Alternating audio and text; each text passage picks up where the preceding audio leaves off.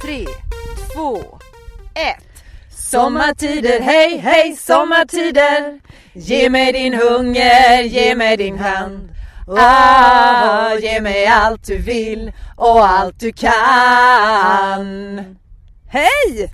Hallå Silla och välkommen till eh, havs, eller vad vi ska säga. Vilket underbart ställe du har tagit mig till. Det här är verkligen sommar och semester i ett nötskal. Ja, ja det kanske det är. Ja för mig är det det. Ja. Det är liksom hav och jag ser båtar och det är fint väder och man vill bara hoppa i. Vi har härliga hundar med oss och du är ju med. Varför är inte du med mig på min semester idag? Eller i år? jag, jag tror du hade varit ett jävla, himla härligt semestersällskap. Ja. Men du, Mm. vi har ju semester nu. Ja. Ja. Men i år tar ju inte podden semester. Nej, det är ju lite coolt ändå. Att jag. den fortsätter och vi badar eller ligger i hängmattan eller vad vi nu gör. Läser och... Kommer du skriva något Ja, ja, herregud vad jag ska skriva. Ja, jag också.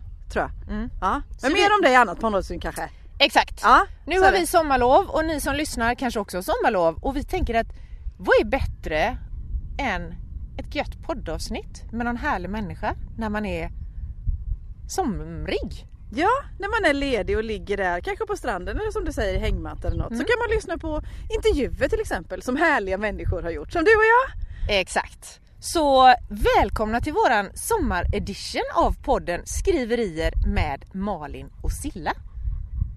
Njut av sommaren.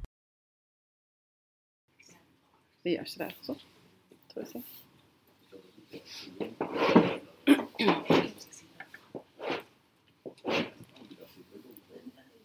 Är frukosten god?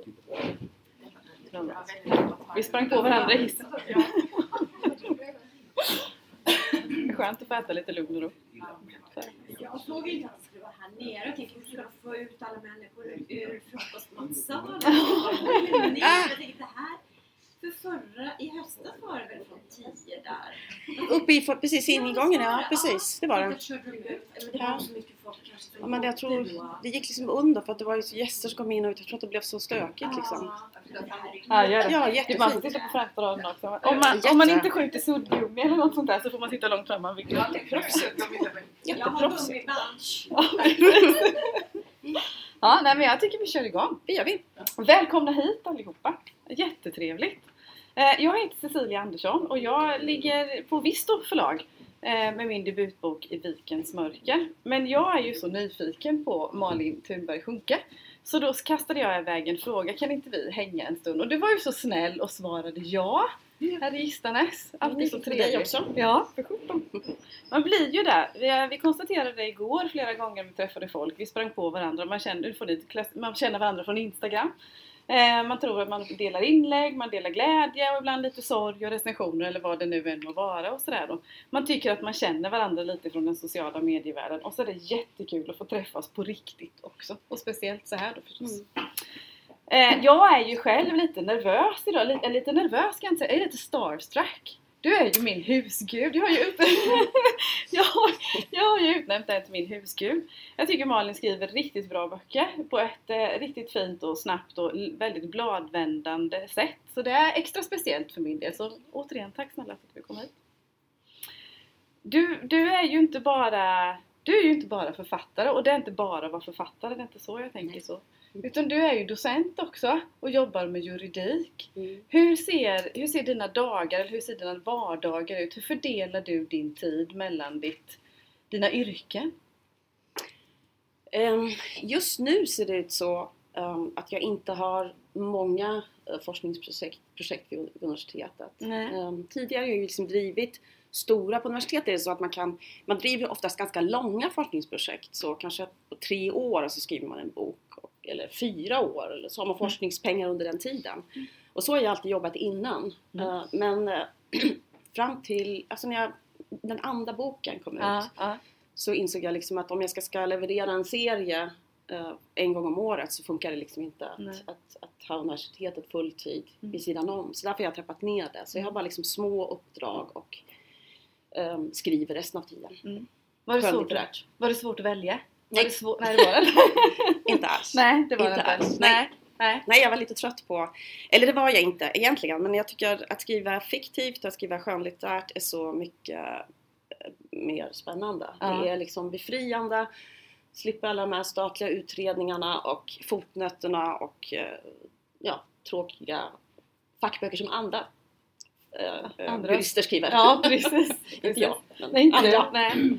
Hade du skrivit, när du började din skrivarkarriär så att säga, hade du skrivit, eller började din skönlitterära skrivarkarriär, hade du skrivit mycket innan förutom då kopplat förstås till ditt vardagliga arbete? Hade du skrivit böcker och så innan också? Skönlitterära? Eller nej, skönlitterära helst. nej, kopplat till ditt arbete? Äh, fackböcker. Mm. Ja, Mm. det hade jag gjort. Alltså Ja. jag har skrivit, ehm, kanske, ja, kanske, jag har skrivit tre ehm, stora fackböcker, så att säga egna fackböcker. Mm. Och sen så har jag skrivit ehm, i antologier tillsammans med andra författare. Så Mm. att jag har skrivit, um, ja, inom liksom ramen för internationell straffrätt har allting handlat om. Ja. Ehm, och ehm, de mesta, alltså alla utom en på engelska. Ja. Så, Häftigt. ja. Var det en svår, är det en svår övergång? Jag har bara skrivit skönlitterärt eller bara hittepå när jag, oavsett vad jag har skrivit. Visst, jag har skrivit rapporter i tidigare yrke på så vis. Var det en svår övergång att gå ifrån facklitteraturen till den skönlitterära? ja, det var det. Det var det. Det var det och jag tycker på sätt och vis tycker jag att nästan är enklare att skriva fackböcker för att där har man ju liksom juridiska ramen. Är man jurist så liksom vet man, eh, då har man en juridisk metod så vet man hur man ska gå tillväga och man, man följer liksom ramen. eh, Man, man, eh, man vet att man ska redovisa vissa källor och, och så vidare. Så måste man ju argument, kunna argumentera men, men det är liksom det är, enklare att följa den mallen Mm. så att säga. Eh, Men skönlitterärt är ju verkligen något helt annat. Mm. Det, Mm. det, det måste ju allt komma från huvudet och man måste koppla bort alla ramar egentligen för att det ska bli riktigt bra. Mm. Så att um, som tur var får jag ju säga, när, var det så att när jag började skriva min debutroman så insåg jag liksom inte hur svårt det var. Eh, faktiskt. Utan jag, jag var så driven av den här berättelsen som jag hade inom mig som jag ville få ur mig för att jag tyckte att jag hade ett sånt Ja, ämnet engagerade mig så mycket. Ja, ja. Um, så att jag liksom skrev på och, och sen när jag kom in i berättelsen så blev det ju liksom den där skrivmagin. Det plötsligt var ju, var ju råmanus då. Jag hade ju liksom ett, en bibba papper och tänkte ja men det är ja visst, ja, okej det är en bok.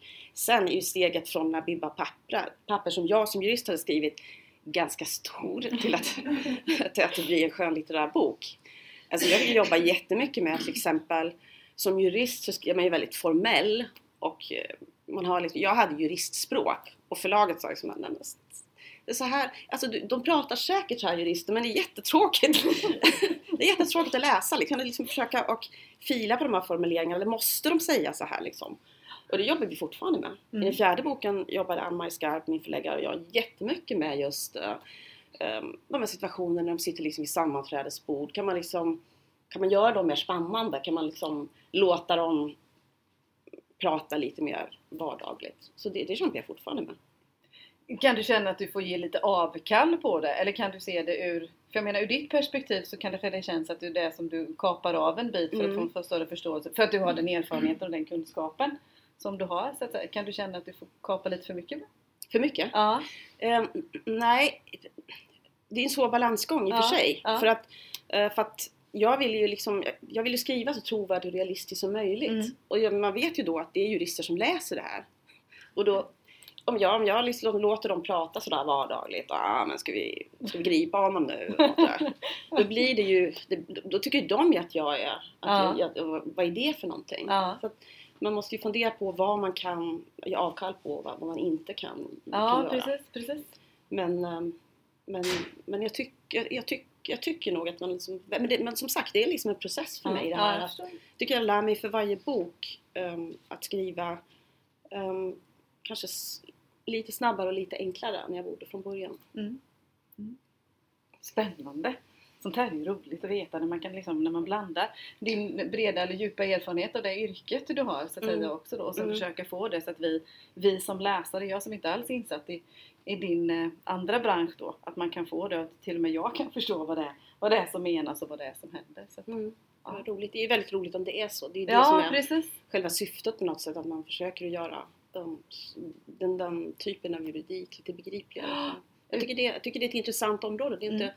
Det är inte många som, alltså de, många nationella deckare är, rör ju sig liksom inom den svenska Mm. eh, sfären eller med utlandet från det svenska perspektivet. Mm. Men, men jag är ju mer liksom från Europa och så går jag tillbaka till Sverige och till Mm. andra länder. Har Europaperspektivet alltid funnits med eh, i din eh, yrkesroll inom juridiken också, även innan du eh, började skriva skönlitterärt? Alltså jag tänker Nej. genom utbildning eller genom på karriärens väg? Mm, nej, egentligen inte. Alltså från början var jag ju då vanlig jurist så att säga och eh, började direkt efter juristutbildningen eh, på Åklagarmyndigheten och åklagarbanan eller åklagarjobbet eh, var ju då ex, extremt nationellt begränsat. Mm. Alltså, klart att det fanns en del utlandsfall och så men inte riktigt på samma nivå som det är nu. Så, att, ehm, så, så jag har väl tänkt mig så ett nationellt perspektiv och på straff, det är ju så mycket om straffrätt Ja, och brott och straff och så. Eh, och sen, men sen under, under min åklagartid så fick jag liksom möjlighet att åka ett år till London för att läsa en master. Och det var liksom första gången som jag kom i kontakt med internationell straffrätt. Den började precis utvecklas då. Mm. Och, och då tänkte jag, vad coolt! Finns det liksom en internationell sida av det här? Det är ju jätteroligt. Mm. Så jag liksom, blev helt fascinerad av det där. Eh, några veckor. Och sen liksom blev jag mer fascinerad av en tysk man som stu- studiekollega. Det var liksom ytterligare en internationell då fick jag ännu mer internationellt intresse. Ja. Och, ehm, sen när, vi kom, när jag kom hem då, då stod jag liksom med ett ben i Sverige och ett ben hos honom nästan i, i Tyskland. Och vi sökte liksom efter en väg att kunna flytta ihop eller, eller pröva att bo tillsammans. Och då var det faktiskt han som sa skriv en avhandling. I Tyskland är en avhandling alltså, två år och det, det, man, gör det oftast vid sidan av sitt arbete. Mm. Alltså, det är liksom en, en, en mindre grej än i Sverige och jag hade ingen aning om vad en doktorsavhandling i Sverige är. Så jag tänkte, men okej, jag, jag, jag anmäler mig och då, då sa de, jaha men det här är en forskarutbildning på fyra och ett halvt år på heltid. och då tänkte jag, jaha. Ja, det har jag inte riktigt räknat med men, men jag, eftersom jag fick möjlighet att göra det på distans från Tyskland så tänkte jag att ja, men får jag tjänstledigt igen från Åklagarmyndigheten då flyttar jag till Tyskland och så, så, så skriver jag en avhandling inom det här området och sen blir jag kvar där. Så att, eh, så att, och, men då växte ju det här liksom, då, då doktorerade jag i internationell straffrätt och då, då blev det allt, allt.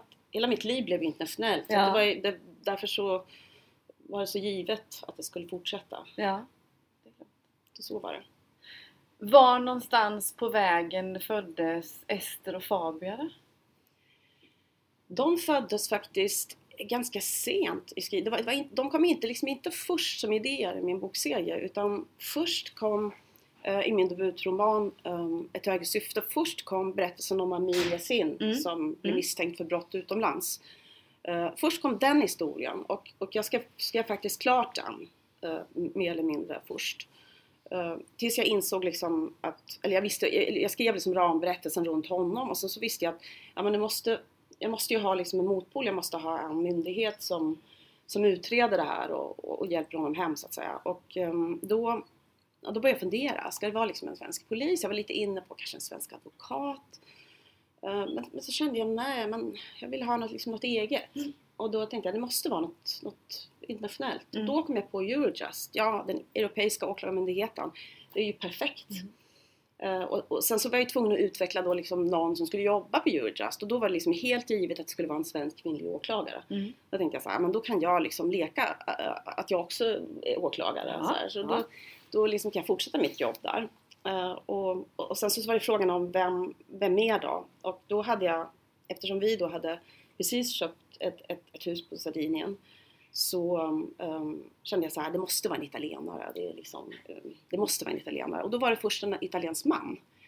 Och men då blev det så himla komplicerat. För då kände jag så här, nej men då blir det så, då kommer alla tro att han ska få ihop det med Ester. Och då blir det det här liksom att de jobbar ihop och äh, det, det vill jag inte ha. Och det, nej, men det är klart det måste vara en kvinna. Och en lite äldre kvinna. Och då hade jag väldigt många, alltså, tycker jag, superkvinnor i min, som jag hade liksom sett genom åren. Det ska vara en sån här lite äldre, cool superkvinna.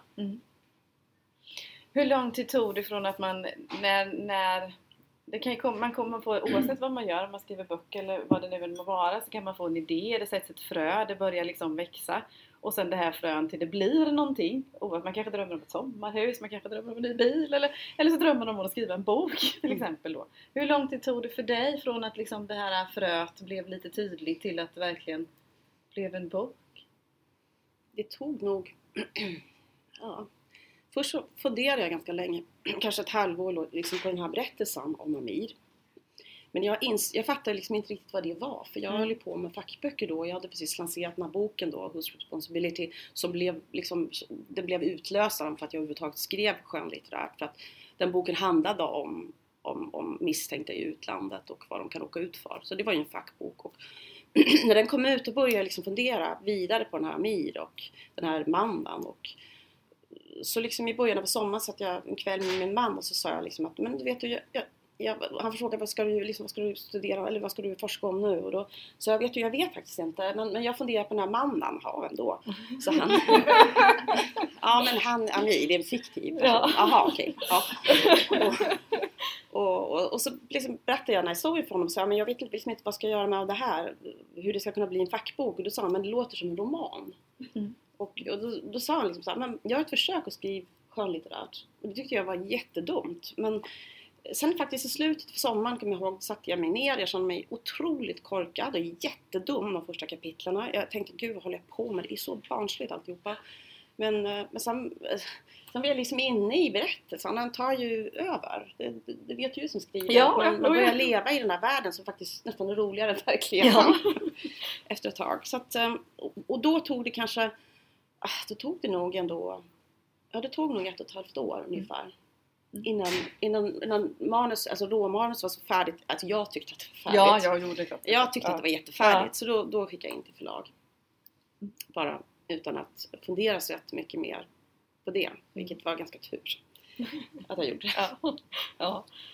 Alltså det. det är tur i den meningen att om jag hade börjat googla i den, i, liksom i det läget hur det ser ut i bokbranschen och vad man har för hur ett manus ska se ut när man skickar in det till förlag. Jag, hade det tagit ett år till innan jag hade fått ordning på, på Ja. skiten, jag på att säga. Ja precis. Jag känner igen det när jag själv Ja. satt och skrev. Vad heter det? Att, eh, jag borde ju inte sitta här, jag, för jag jobbar som konsult. Jag borde vara ute och sälja timmar eller någonting istället. Det är väl helt onödigt. Det här leder ju ingenting. Det blir inget resultat av det här. Så just det här med att värdera sin tid då. Ja, Ni nickar Absolut. lite igenkännande också. Jag har ju fler författare här i- publiken. Stina och. Vad heter det? Eh, jag tänker mer, jag hoppar lite fram och tillbaka lite med frågorna. Men eh, just kring Eurojust och din, vad heter det, din bakgrund som åklagare och kring fall. För jag gissar att det finns ändå lite du kanske har sanningshalt i vissa situationer så att säga att inte kanske allt är påhittat. Mm. Är det svårt att hålla sig inom sekretessens ramar? Förstår du hur jag menar då? Mm. Att man inte liksom berättar för mycket Mm. eller för lite. Mm. Är det svårt att göra det?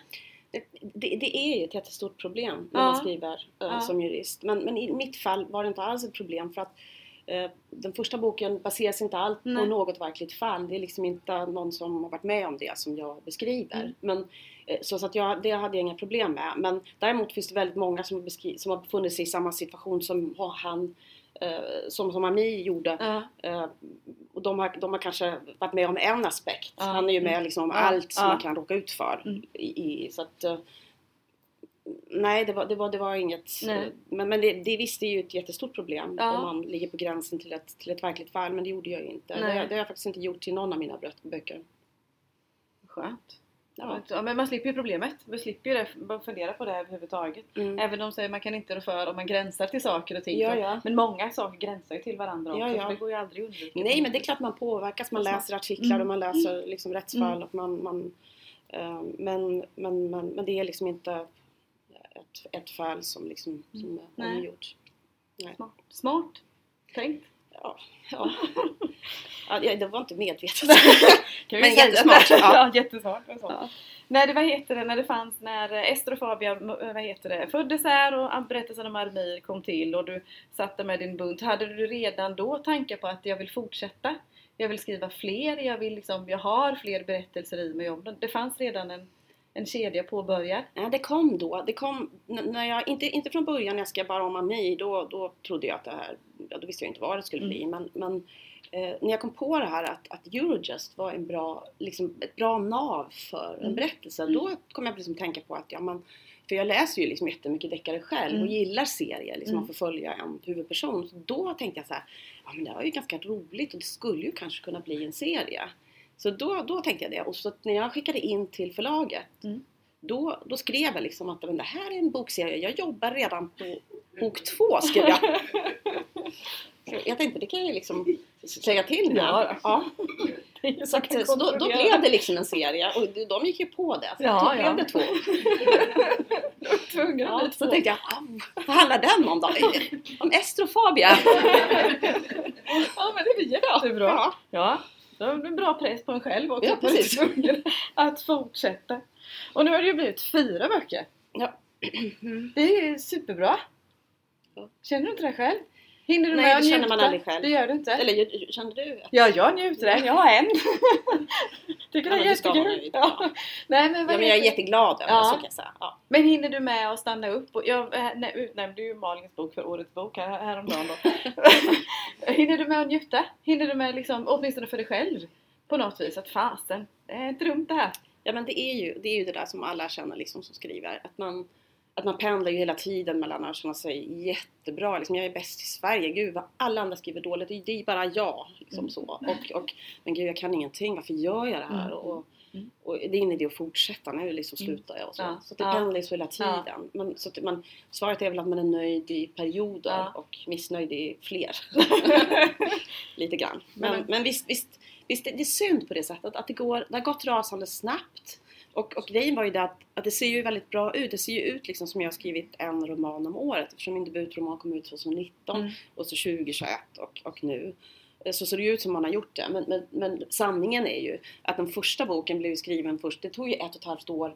När den blev antagen tog det ett, och ett halvt år innan den kom ut Mm. på, på förlaget Mm. 2019. Och under den perioden hade jag liksom börjat skriva då på min tvåa som jag Mm. hade Ja. hävdat att jag hade Ja. gjort. Att Då, då, då kom ju, då, den hade jag mer tid på. Ja. Sen kom ju då tredje boken, Bara ett spel, den kom, då var jag liksom i kapp. Eh, Så den skrev jag ju faktiskt på ett år. Och den här boken också. Så att, men nu tycker jag att jag tror jag ska ta ner lite, lite på, På Ja. tempot.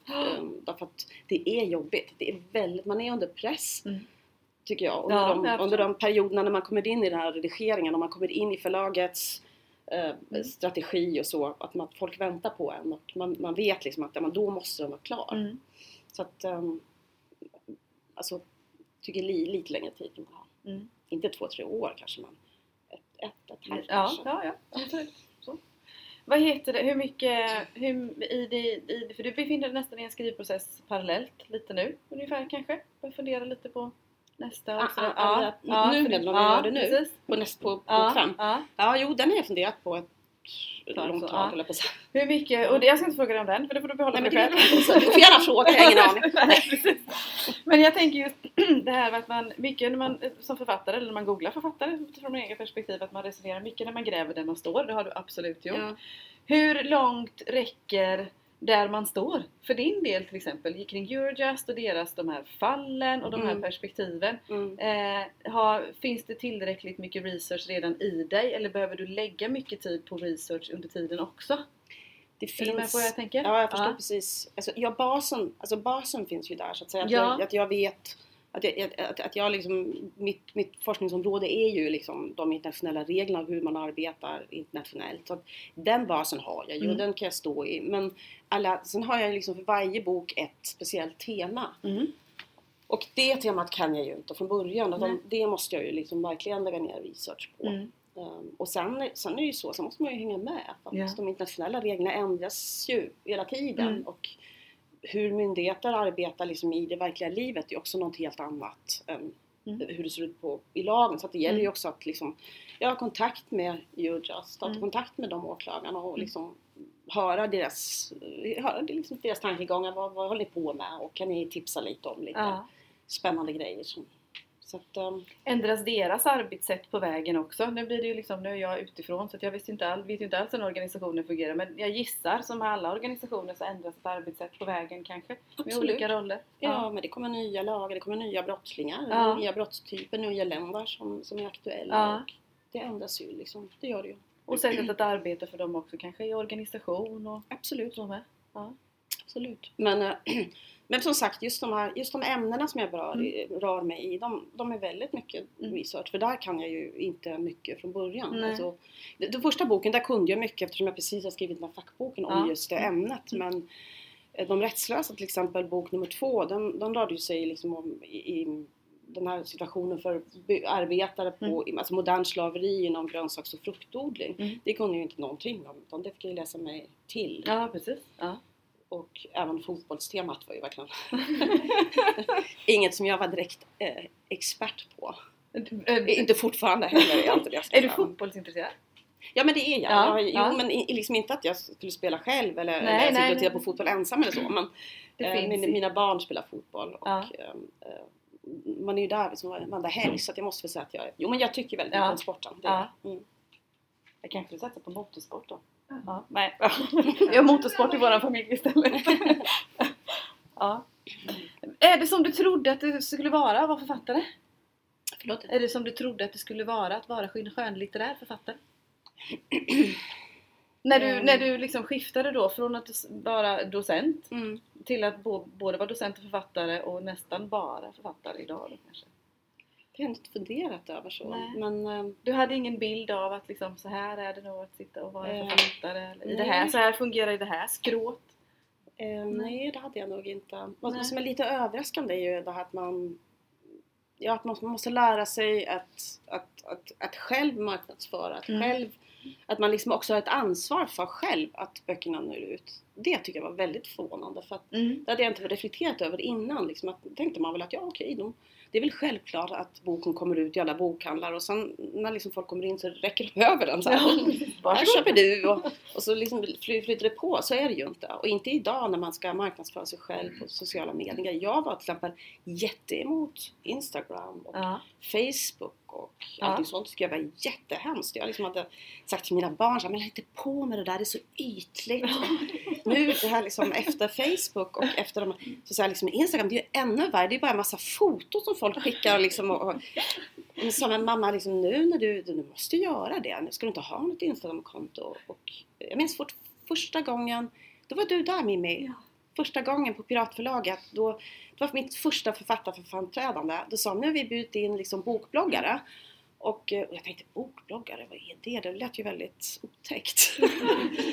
och att, eh, då- du, eh, du får ställa dig och prata inför dem. Jag tänkte, men gud vad hemskt. Alltså, det var verkligen, vad ska jag säga? Ja men berätta liksom varför du har skrivit den här boken och, och så vidare. Och då, Jättetaskigt tycker jag. ja, Alltså, vad slänger ut dig sådär? Ja men det var, det, och så kom jag dit och den första människan jag såg på den här tillställningen var Kristina Olsson.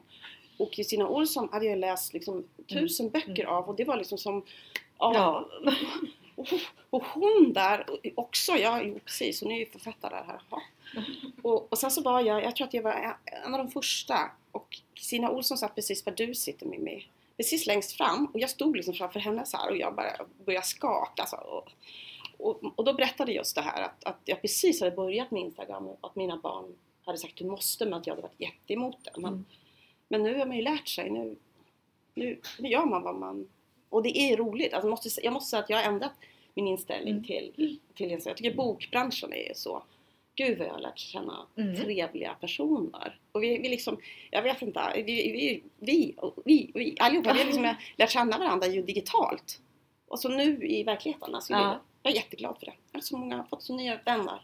Jo men insteget när man har setts på, via en skärm, insteget via liksom, Instagram eller Facebook eller det blir ju mycket kortare eller lägre när man ses i verkligheten. Då vågar man ju kanske också gå fram och säga hej, hej, vi har setts på Instagram. Eh, på något vis. Det blir ju en bra istället för att säga hej, hej och så vet man inte vad man ska Då kan man i alla fall prata om Instagram om man inte har någonting annat att landa in i. på något vis. Så, såg du min post? Nej, på något vis. Och sen som sagt, man kan ju välja. Man kan ju faktiskt välja man vill lägga upp Ja, men det och kan inte. Mm. Mm. Så. Jo men det kan man. Ja. Men det, jag tycker att det är ehm, ja, peppa peppa men, men jag har liksom inte varit med om att det har varit otrevligt Nej. eller, eller, Nej. eller så. Nej. Utan jag tycker att det är en väldigt trevlig stämning. Mm. Och även om liksom inte folk gillar böckerna och recenserar böckerna så brukar de recensera på ett, på ett, respektfullt sätt. Mm. Alltså till skillnad från Storytel. Ja. Eh, men, men jag tycker så på, på, på Instagram tycker Ja. jag att det sköter sig bokbloggarna fint. Det är roligt. Man Mm. ska vara snäll. Det sa Astrid Lindgren. Man ska vara snäll. Det tycker jag är bra faktiskt. Är det någon av dina fyra böcker som ligger dig mer extra varmt om hjärtat? Är det någon som man känner den första för att den var första eller den tredje för att det var fotboll? Nej, egentligen inte. Alltså, Jag tycker man ser dem som sina barn så Ja, att man inte ja. vill peka ut någon. Nej, Alltså, det behöver du inte. ehm, Det behöver du men, inte. men, men, men, men, men, men i och för sig, nej, men jag tänker efter är ju li- liksom så. Den första boken är ju på något sätt alltid den första Mm. boken. Den Mm. var liksom debutboken och, och ehm, ja, ämnet var, var med, var med verkligen, var, det, det var verkligen angeläget. Så, Mm. så att, ehm, den, den är jag naturligtvis stolt över när man får ett pris. Och, eh, jag- visst, eh, och den fjärde boken nu är också väldigt, eh, kanske lite extra, eh, att, att ämnet engagerar mig ännu Mm. också väldigt, det känns angeläget. Mm. Det, känns, det känns som, ja, det, att man verkligen, där vill jag verkligen säga något. Ja. Ja. Underhålla men också Ja. peka på någonting som jag funderat ganska länge över. Ja. Så att, men, men ja, så att, om jag måste då så, så, så Nej, du jag- måste inget. Man Nej, måste jag, jag ingenting. vet. Nej, jag vet. Men, men, eh, men, men som sagt. Ettan och fyran är, eh, var, var ämnet väldigt angeläget. Ämnet i den fjärde, i den fjärde boken är väldigt högst aktuellt här i, Mm. Sverige. Om Mm. inte annat. Och ändå har ju du liksom, du skriver den här, du har inte skrivit den här i vinter. Det är ju ett tag sedan så att säga. Eh, den fjärde boken. Det, Ja. det, det, det, är ju liksom, det är ju ändå ett halvår, ett år sedan du skrev den. Ja, ja. Och så kom den ut lagom. Jag menar det är det är ju slumpen egentligen. Att det. blev som det blev. Mm. Jag som läsare kunde ju verkligen känna att herregistan, hur lyckades du fånga det här också samt att det kom så dyrt. Men redan innan, alltså hur, hur, hur visste du att det här skulle ske? Det kunde du ju inte veta. Men du måste ju sett att en rörelse var på väg även mot Sverige i den här frågan på något vis. Eller hur? Hur Ja, men jag tror, jag tror liksom, eh, jag vet inte om alla- känner till vad den handlar om, men, men det handlar liksom just om att, att, att man på, alltså plotten är att, att på olika ställen i Europa så sker liksom våldsdåd och våldsattentat och på varje plats så efterlämnas en, en symbol. Och då kopplas Eurojust in för att liksom se, finns det samband mellan länderna? Vad är det här liksom? Är är det organiserat eller är det en galning eller, eller och så vidare? Och, och då leder de här spåren in i aktivist, olika aktivistgrupper, bland annat i Skåne, eh, en djurrättsorganisation.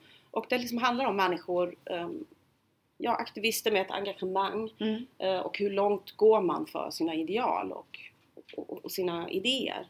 Så det är liksom kort vad den handlar om. Och grejen är att, att jag, det här började jag fundera på ganska långt innan, liksom jag, innan jag började skriva på, på den här Mm, romanen. mm. Utan det var faktiskt under, jag tror att det var 2018 när de här gula västarnas protestmarscher var i Frankrike. Det började ju liksom som arbetare som gick ut på gatan och var jättemissnöjda med skatter. Och, ehm, och de, de, de, de, blev mer och mer våldsamma de här demonstrationerna och, ehm, och, och det var ett enormt hat mot, mot Paris och Mm. Macron. Och, ehm, och så såg man när man liksom började, började liksom titta på de här grupperna, vad är det för människor som går med? Och då var det så såg man att det var liksom de här arbetarna och sen så var det högerextrema grupper som hängde på och vänsterextrema Mm. och de gick allihopa sida vid sida och så man har tänkt att de har egentligen helt skilda uppfattningar men de, de förenar så det här hatet. Så det tycker jag var ganska otäck, ett otäckt fenomen. Ehm, men så, tänkte, så försvann ju det då och sen eh, eftersom jag är bosatt i Tyskland nu så under coronapandemin så blev det jättevåldsamma demonstrationer för att eh, Tyskland hade ju en sån, sån, sån sträng lockdown. Eh, och då började folk gå på gatan och organisera sig och demonstrera. De demonstrerade mot allt. Mm. Och då blev det liksom samma fenomen. Då hakade också många högerextrema grupper på och mitt i de här mm, ingen lockdown så gick det då liksom folk med judeskyltar och enormt judehat. Och, och sen även anarkistgrupper från vänstersidan och sen så vanliga medborgare. Mitt, mitt bland dem så var det liksom äldre, äldre personer och mammor med barnvagn. Och, och, när de frågar, liksom, de intervjuar dem på TV så frågar de varför, varför vad, vad, vad, vad, vad demonstrerar du mot? Ja, liksom? ja. Det här är en pandemi. Och då så sa de bara, men jag är förbannad på staten. Punkt. Och, och det, det tänkte jag, men gud det är precis samma fenomen. Den här liksom ilskan förenar men ingen frågar sig, vill jag verkligen demonstrera tillsammans med eh, högerextrema eller, eller andra anarkistgrupper? Vad står de för? Och det blev ju också eh, mycket eh, våld mot polisen. Mm. Och, och, och, och då började jag liksom fundera de här banorna, vad är det för människor? Och så kom de här olika karaktärerna som jag försökte hitta från olika, som kom liksom från olika håll. Och, Mm. och, så. och sen var det ju verkligen så, här i Sverige var det ju då, när boken gick till tryck Ja. var jag hemma över påsk och då kom påskupproren och då, då kände jag bara, ja visst det är samma fenomen här. Ja, ja. Och det, för det var ju också det, det, det de kom ju också från alla håll Mm. och många som hakade på ehm, och det blev liksom en, ehm, ja, ett våld och en vrede som var blind. Mm. Så att det, det var ju, men, men jag, jag den är ju liksom den är ju tajmad bra för, Ja, att det, eh, för att det kom ju in men jag tror att det inte bara är de här länderna. Nej, jag, tror, att- jag har en känsla av att det bubblar under ytan i många länder Ja. i hela Europa. Ja. eh, Den här, det här missnöjet där klyftorna har blivit ganska stora mellan människor och rik och, och fattig och Ja. många känner sig eh, förfördelade. Ja. Har du hunnit få, eller det kanske, men det är kanske jag som är naiv som tänker också att vad heter det, människor som är nu menar inte jag att det är de som demonstrerar kanske läser dina böcker på det här sättet eller på så vis men som kanske fi- finns i periferin eller som är engagerade där som har läst boken och fått några reaktioner kring på det sättet, kanske från poliser som har varit och jobbat i de här demonstrationerna eller någonting sånt men det kanske du inte hunnit få Nej men det har inte fått, Nej. det, det var, har bara varit ute en, en vecka Ja, nu. ja. Ehm, nej, faktiskt inte. Nej. Nej. Det kan vara också lite spännande Ja. att se så småningom att Ja, man jag får såg- jag- även den då. Jag såg någon, någon reaktion på Storytel och då, så, Ja. då skrev hon att det var, det var ju helt fel för att jag hade glömt alla islamisterna. Jaha, Ja. ja, okej. Ja, ja absolut. Och det var ju de som låg bakom ja, jo, jo. det hela. Så att Det. Ja. det var, det var, jag har missat en karaktär Ja, insåg jag. det ju Men det är den enda reaktionen så som jag har, Ja. jag har sett. Ja, det ja men den kan jag förstå. Men det, det blir intressant att följa Mm, framtiden så, så att säga. Vad andra, andra inblandade i det här också då. absolut. Inte bara kollegor och så utan man har Nej. på det. För jag tycker det är viktigt. Eh, jag är inte själv eh, jätteengagerad i Europafrågor på det sättet utan man håller sig till sin eget lilla Småland kanske, sina lokala frågor eller liksom nationella frågor och sen kanske man zoomar ut lite på det sättet. Då. Därför tycker jag det är skönt också att få, få, få att du som skönlitterär skönlitterär författare eh, plockar upp de här frågorna och gör dem kanske lite mer lättillgängliga för oss vanligt folk som vi skulle säga hemma då på något vis då. Att man får ta, sig till, ta del av den här och att det blir ett resonemang och en diskussion av det också. Mm. olika köksbord och olika på företag och så också. Jag tycker det är jätteviktigt. Mm. På så vis. Ja. Att det kan finnas röster eh, om man säger då för, för, eller utifrån Europas perspektiv även på en, en vardagsnivå. att Mm. Ja, vad roligt. Ja, du får, du får gärna fortsätta bära med det här faktiskt. Ja. jag tycker det är viktigt att man får olika perspektiv och olika röster om olika frågor. Att det inte blir kanske för, ja men ni som har, nu förstår jag att du också jobbar lite kollega, eller var lite kollega sådär, att ni har, man har väldigt mycket insatt och fackkunskap så att säga i frågorna. Men för oss som kommer utifrån kan det vara svårt att förstå frågorna också ibland då, att man får det ur ett, ett Mm. skönlitterärt perspektiv som en Mm. början till en grund till diskussion. Mm. Till exempel med ungdomar eller vad det nu må vara också då, så att säga. Så jag hoppas att du vill fortsätta vara den Europarösten även för oss vanliga Ja. dödliga. Jag hoppas du fortsätter läsa. Ja då, det kommer vi göra. Då skriver jag vidare. Ja. På tal om kollegor, jag vet inte, får jag ställa en fråga till dig? Ja, för jag, jag gissar, nu fick jag, visste jag det innan att de var lite kollegor, ni hade pluggat ihop va? Visst var det så? Ja. och vi, du har ju läst Malins böcker. Jag hoppas inte det sista. Inte den sista, men generellt sett. Eh, vi var inne, nosade lite på det innan, om man säger att poliser kan läsa deckare och känna att liksom, "Ja, men så här fungerar det ju inte riktigt och, det, och på sådär grejer. Och så var det någon, det läste jag någonstans att ja, men poliserna kanske inte är din målgrupp heller på något vis i den genren. Ni som kollegor som läser Malins bok, eller Malins böcker, hur det är hanterat, eller, vad säger man som kollega? Hur det funkar på Your Just? Tänk efter Får vad du, säger nej. nu. och vad får, du, vad får du höra också liksom gentemot dina... Ja, det är, Ja. ja. Ja, men det är ju helt rätt beskrivningar. Ja, det är så. känner sig väldigt trygg i att, att, alltså, Ja. på att juridiken är rätt. Att Ja. kanske, som du säger, språket kanske inte alltid är så man säger. Men juridiken är rätt. Det är Ja. liksom inga sakfel. Nej. Det känns väldigt tryggt tycker jag. Ja. När en professionell person skriver. Ja. Annars så kan man ibland leta upp sig på att det är så mycket sak. Ja, fel precis. utan Ja. man har sakkunskapen själv. Ja. Men här känner jag mig helt trygg. Vad skönt, vad skönt. Är det det du får till dig också? Ifrån, eh, inte bara ifrån gamla kurskamrater utan även... Ja, nej men jag, jag har ju haft, alltså jag har ju haft fördelen, jag, jag var ju inbjuden till Eurojust uh, två gånger.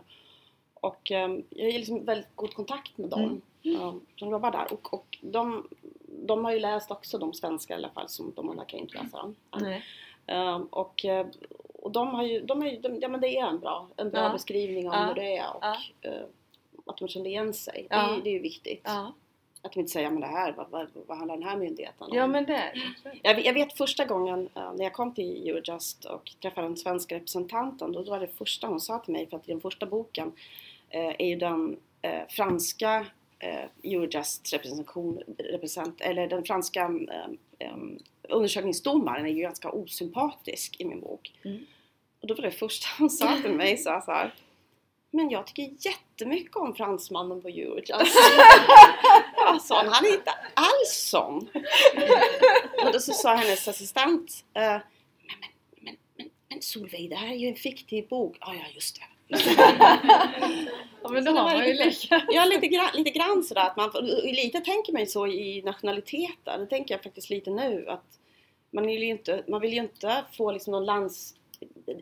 När man skriver om någonting, jag skriver ju inte mot Frankrike Nej. Det var bara att han, han, han, han liksom råkade befinna sig i det landet så då blev han osympatisk. Eh, Men det får kanske inte vara en fransman till som är osympatisk. Nej. Så där, nästa gång får jag liksom verkligen ja, fjäska lite för dem då. Det blir lite statistik i ett Excel. Ja, upp något dem. vänster eller någonting sånt där. Ja, och inte förstärka de där vad man har om olika landsmän så överhuvudtaget. Precis. beteenden. på så vis också. Mm. Ja. Är det någon av er som har några frågor till Malin? Så, ja, Ja, bra! Jag tänkte eftersom det är ett sånt internationellt perspektiv i dina böcker. Eh, utlandslansering, känns det här skulle ju liksom Mm. vara en- det är Mm. jättepopulärt med nordiska böcker. Jag tänker som i Italien har de där Ipe Borea, de översätter jättemycket just deckare. Du skriver ju ingen vanlig deckare utan det är liksom just det här internationella perspektivet. Mm.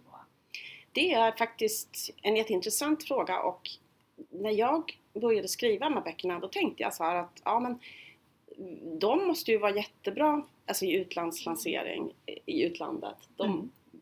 För att liksom det rör sig jättemånga länder. Ehm, och jag hade då faktiskt turen från början att ha en svensk agentur och de tyckte väl också så i början att så, så är det nog.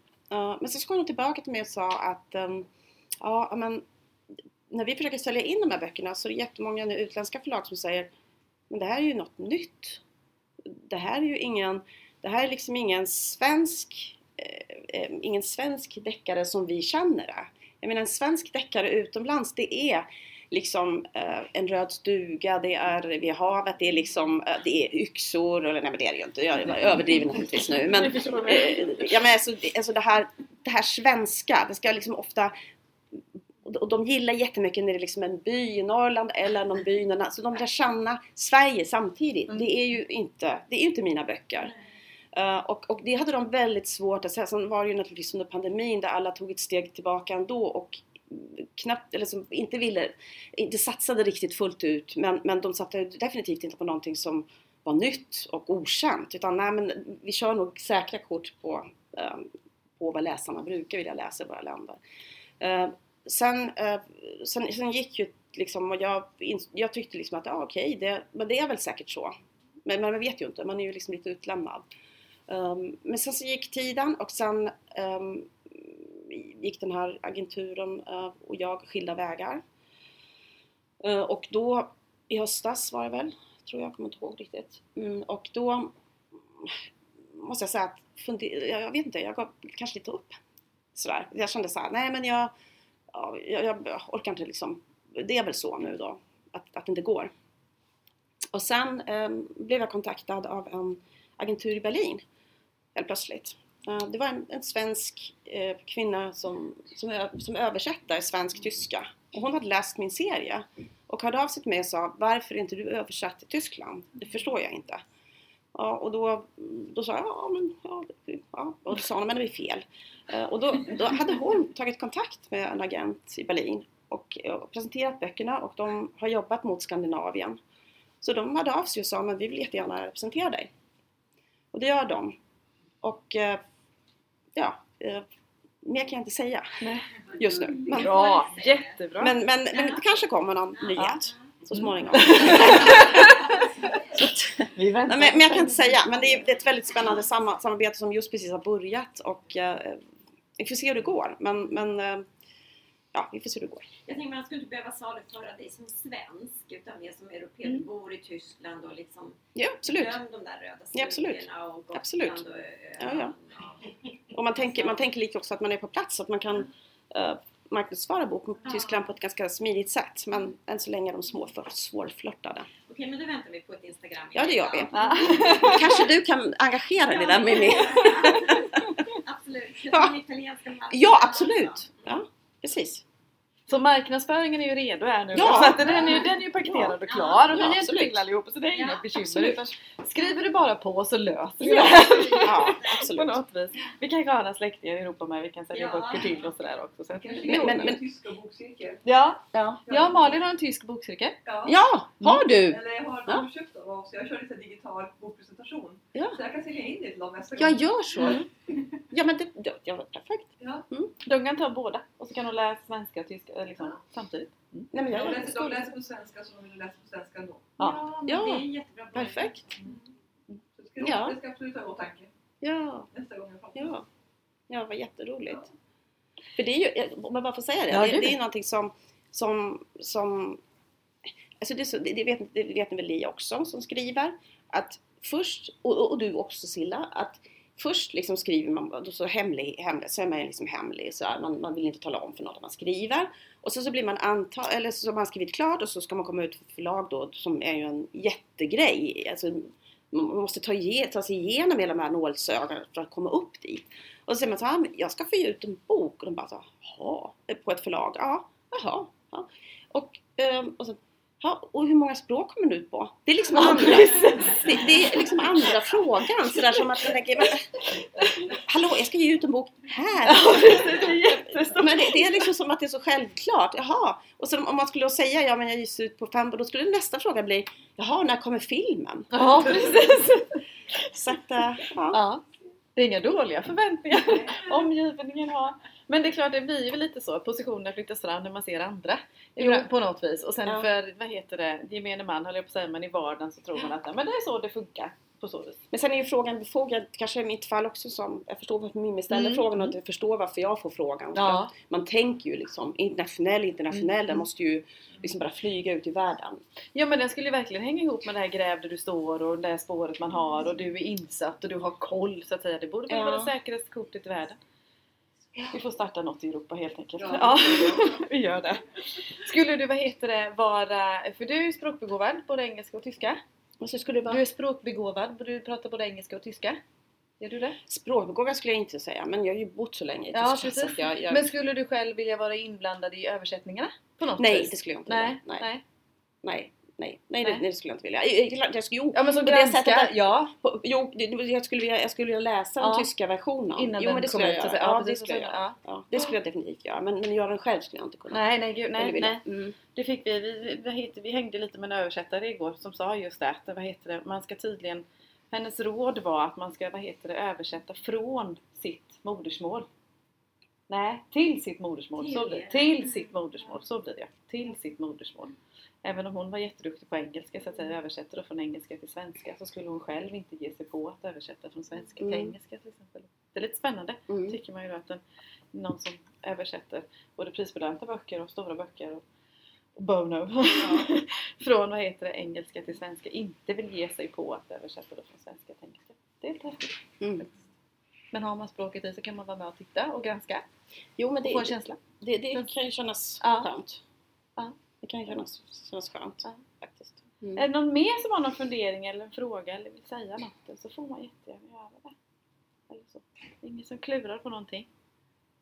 Det var uttömmande vi måste ha varit Ja, då. det måste, det ja. måste vi ha varit. Det varit har en väldigt... Ja, kör! tänker från Anna. Ja. Jag tänker från att gå från att skriva då fackböcker till det skönlitterära. Du sa att du har fått Ja, att du var tvungen att ändra ditt språk lite, hur man Mm. pratar och så för att det inte ska bli så tråkigt. Mm. Eh, det här, har du gått någon skönlitterär, alltså jag tänker det här med miljöbeskrivningar och allt lull-lull runt en Mm. berättelse. Eller har du gått någon eller är det också så att du måste ha in lite miljöbeskrivningar, du måste ha in lite beskriva hur folk är klädda, hur det ser ut hemma hos någon? Eller är det helt bara som du sitter och... Nej, jag hade gått någon skrivarkurs eller, eller så. Men jag tycker, eftersom jag tror grunden, alltså det finns ju olika vägar att gå, men jag tror att grunden till att skriva skönlitterärt, en grund är naturligtvis att gå en skrivarkurs. Eh, en annan grund är att läsa väldigt mycket själv. Och jag, jag har läst väldigt, jag läser väldigt mycket och har läst mycket böcker. Och jag tror på något sätt att, att det, det, ligger, det, det finns i ändå. Alltså det kom ganska naturligt att man att de här miljöbeskrivningarna och personbeskrivningarna, det kom liksom in när man, alltså för mig kom det instinktivt. Eh, sen, sen, hade jag mycket mer i början av min, eller min första råmanus hade jag väldigt mycket mer miljöbeskrivning och personbeskrivning. Jag till exempel inom, inom, inom eh, skönlitteratur nu säger man att man inte ska ha eh, personbeskrivningar långa. Liksom. Man ska inte tala om hur folk liksom ser ut, att de har, det räcker med att man kanske tar någon detalj men man ska liksom inte ha en halvsida, han ser ut så och sånt, sånt skärp och, och jag, tycker, jag tycker personligen att det är ganska trevligt Eh, att, att, att någon hjälper mig med den här, lite med den här bilden. Det stör mig inte alls om, om jag läser några meningar där om hur författaren tycker att den här personen ska se ut. Men det, det, trenden är ju lite nu att man tar bort sånt. Men jag hade i mitt första roman ganska omfattande personbeskrivningar av eh, Därför att jag, jag tog då liksom Kapten Typ, jag tog Franska Rivieran för att vi hade varit där en hel del. Så jag hade det liksom i mitt, och då, då när man skrev om det, då kom ju de här minnesbilderna. Så jag hade ganska mycket miljöbeskrivningar, mycket mer än det är nu. Och ganska mycket person, alltså personbeskrivningar, mm. alltså Fredrik såg ut så och så och så. Det blev ju struket i sen. För då, då, när liksom förlaget började arbeta med texten så bara att, här, alltså det, de här första, de första kapitlen och första, liksom måste jag snabba upp det här lite att, att läsarna kommer ganska så snabbt in i, i handlingen. Så det, alltså jag hade haft mer miljöbeskrivningar i svaret. Men jag, samtidigt så Alltså jag är nog inte någon ändå som, i de andra böckerna så har jag ju miljöbeskrivningar men inte långa. Um, men, men jag har inte liksom, jag, det är inte någonting jag tänker på. Att nu ska det vara en miljöbeskrivning eller nu ska det vara utan det, det, det kommer ju liksom. Man, tänk, man tänker sig att den här scenen ska utspelas på den här platsen. Till exempel Ester då, min ena huvudperson, hon bor ju i Svenningen där i Haag, vid, havet och sandstranden. Och första gången jag kom till Haag så gick jag, min, min dotter var med och vi började med att ta en promenad där. För jag hade frågat på Ujas, vad kan, kan ni ge mig, liksom, jag har inte så mycket tid, kan ni ge mig liksom ett förslag på var mina huvudpersoner kan bo? Och då så sa de liksom att en kan bo där vid stranden och då tänkte jag okej, okay, okej, då åker vi dit. Och så gick vi, den här, gick vi och promenerade där och liksom insöp den här miljön. Och då, då är det som man tänker, ja, var ska Ester vara när den här scenen ska utspelas? Ja, ah, där. Och då är man ju där. Så man väljer platser. Jag måste nästan ha varit på de platser som jag skriver om för att kunna mm. skriva. Och då tycker jag miljön kommer automatiskt. Så så. Mm. Abias lägenhet är jättefint beskriven. Vad sa du? Fabias lägenhet, när Ester är där och äter i nya boken. Om det kommer? Fabias lägenhet är bra Aha! beskriven. Ja, ja. ja men jag hade varit där. Nej men jag sa att den är så fint beskriven. Jag tycker man känner att man är Ja just det. Ja. Och vet du vad det var för någonting? Men det är ju i senaste boken. Ja precis, men den, den lägenheten hittade jag faktiskt på nätet. Ja. den hittade jag på nätet. När jag, liksom, då kände jag bara såhär, nej men hon ska bo ungefär så och, och, och, det passar henne. Och då tänkte jag, men gud vad, vad ska det kunna vara? Då googlade jag liksom bara våningar i Haag till salu liksom. Ja, och då tänkte jag, ja men där, där skulle hon kunna vara. Och så byggde jag på liksom att det var, inte, det var inte den inredningen som jag tyckte passade henne. Men då, då hade jag, jag behöver, jag är ganska visuell så, så jag behöver Alltså jag behöver eh, bilder.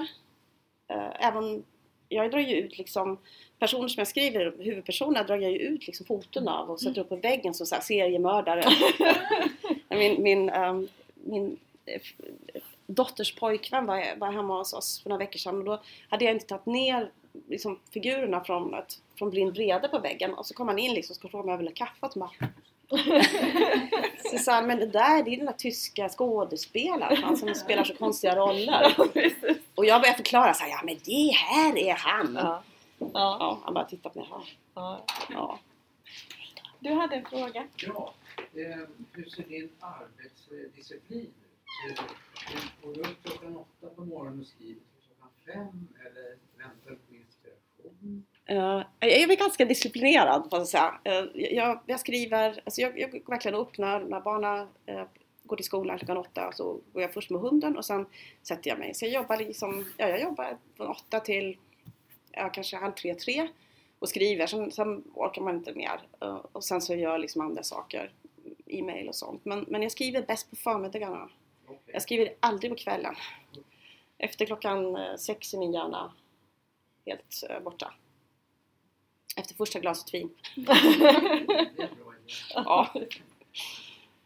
Men du har alltså ett arbetsmaterial, du har skissat någonting som du jobbar på då, alltså som Mm. research eller Ja. Jag försöker ha, alltså jag försöker att skriva en synopsis. Det har jag gjort liksom för, äh, egentligen för, varje, för alla böcker. Alla de tre första böckerna, då hade jag liksom en synopsis med en början, mitt och slut. Och, eh, och, och sen så hade jag, så att jag visste exakt liksom vad som skulle hända. Inte exakt, men ungefär sådär. Så följde jag den mallen och det kändes väldigt bra. Eh, Men den fjärde boken var det så att jag, eh, jag var så peppad på det här ämnet och de karaktärerna som jag hade. Och, och jag, jag blev så ivrig så jag tänkte inte klart. Så jag, jag hade faktiskt liksom inte riktigt slutet klart för mig. Och så började jag skriva liksom på lustrar och jag skrev och skrev och skrev och sen plötsligt tog det stopp.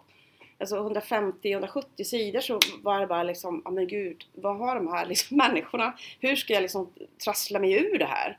Och då tog det nästan, ja, nästan två månader över sommaren som jag var helt stressad och bara kände, inte för att någon eh, liksom håller på att tjata på mig och skulle bli klar utan det var, det var så otroligt irriterande att, att, inte, att känna att men tänk om den här historien inte, inte liksom går, ur, går ihop. Eh, men, men, men så en dag kom bara liksom så här att ja men okej, en av dem måste bort eh, från historien och då, då, då, då löste sig de där knutarna. Eh, men, men svaret är nog att jag att ha en synopsis tycker jag, eh, det ska jag ha. Det är därför jag inte har börjat på den femte boken därför att jag inte, inte riktigt har eh, kommit på hur den här berättelsen ska berättas. Så att, eh, jag tycker att det känns liksom, det är lite slöseri med tid tycker jag, om man inte vet. Det är bättre att vänta. Har det en början och ett slut då? Ja, det räcker ju oftast. Precis. En början och slut. Mm. Och så någorlunda hur vägen dit, dit går. Men sen kan man komma på bättre idéer under, under hand. Då har man en ram att hålla i så länge. Ja, Så kan man flytta den här ramen sen jättemånga gånger. ja exakt. Ja, jag har en sista fråga. Får jag praktisera hos dig en vecka? det fick man göra när- som ungdom. Det fick man ju prao, göra prao eller något. Jag kan ta hand om disken eller något och så kan jag bara få lista det. Nej jag bara skojar. Tack snälla för din tid. För den här. Det var jättetrevligt. Här jättehärligt var det. Visst var det det? Ja. Bra. Tack snälla för din generositet. Det du bjuder på och sådär också. Ja, men tack snälla Cecilia för att jag fick komma hit. Det var bland de trevligaste författarsamtalen jag har varit på. Alltså, tycker du så trevligt sätt och väldigt påläst, väldigt lugn. Man känner sig så väl till mots. Jätte, jättetrevlig eh, publik. Ja, tack Alltså, snälla för att ni kom. Jag stannar här hela dagen. Ja, vi sitter här.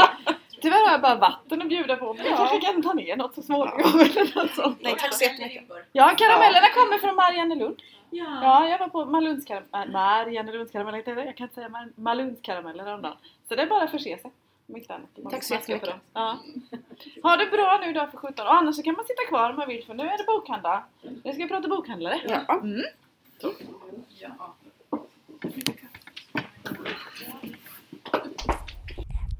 Sommartider, hej hej sommartider. Ge mig din hunger, ge mig din hand. Ah, ge mig allt du vill och allt du kan. Sommartider, hej hej sommartider.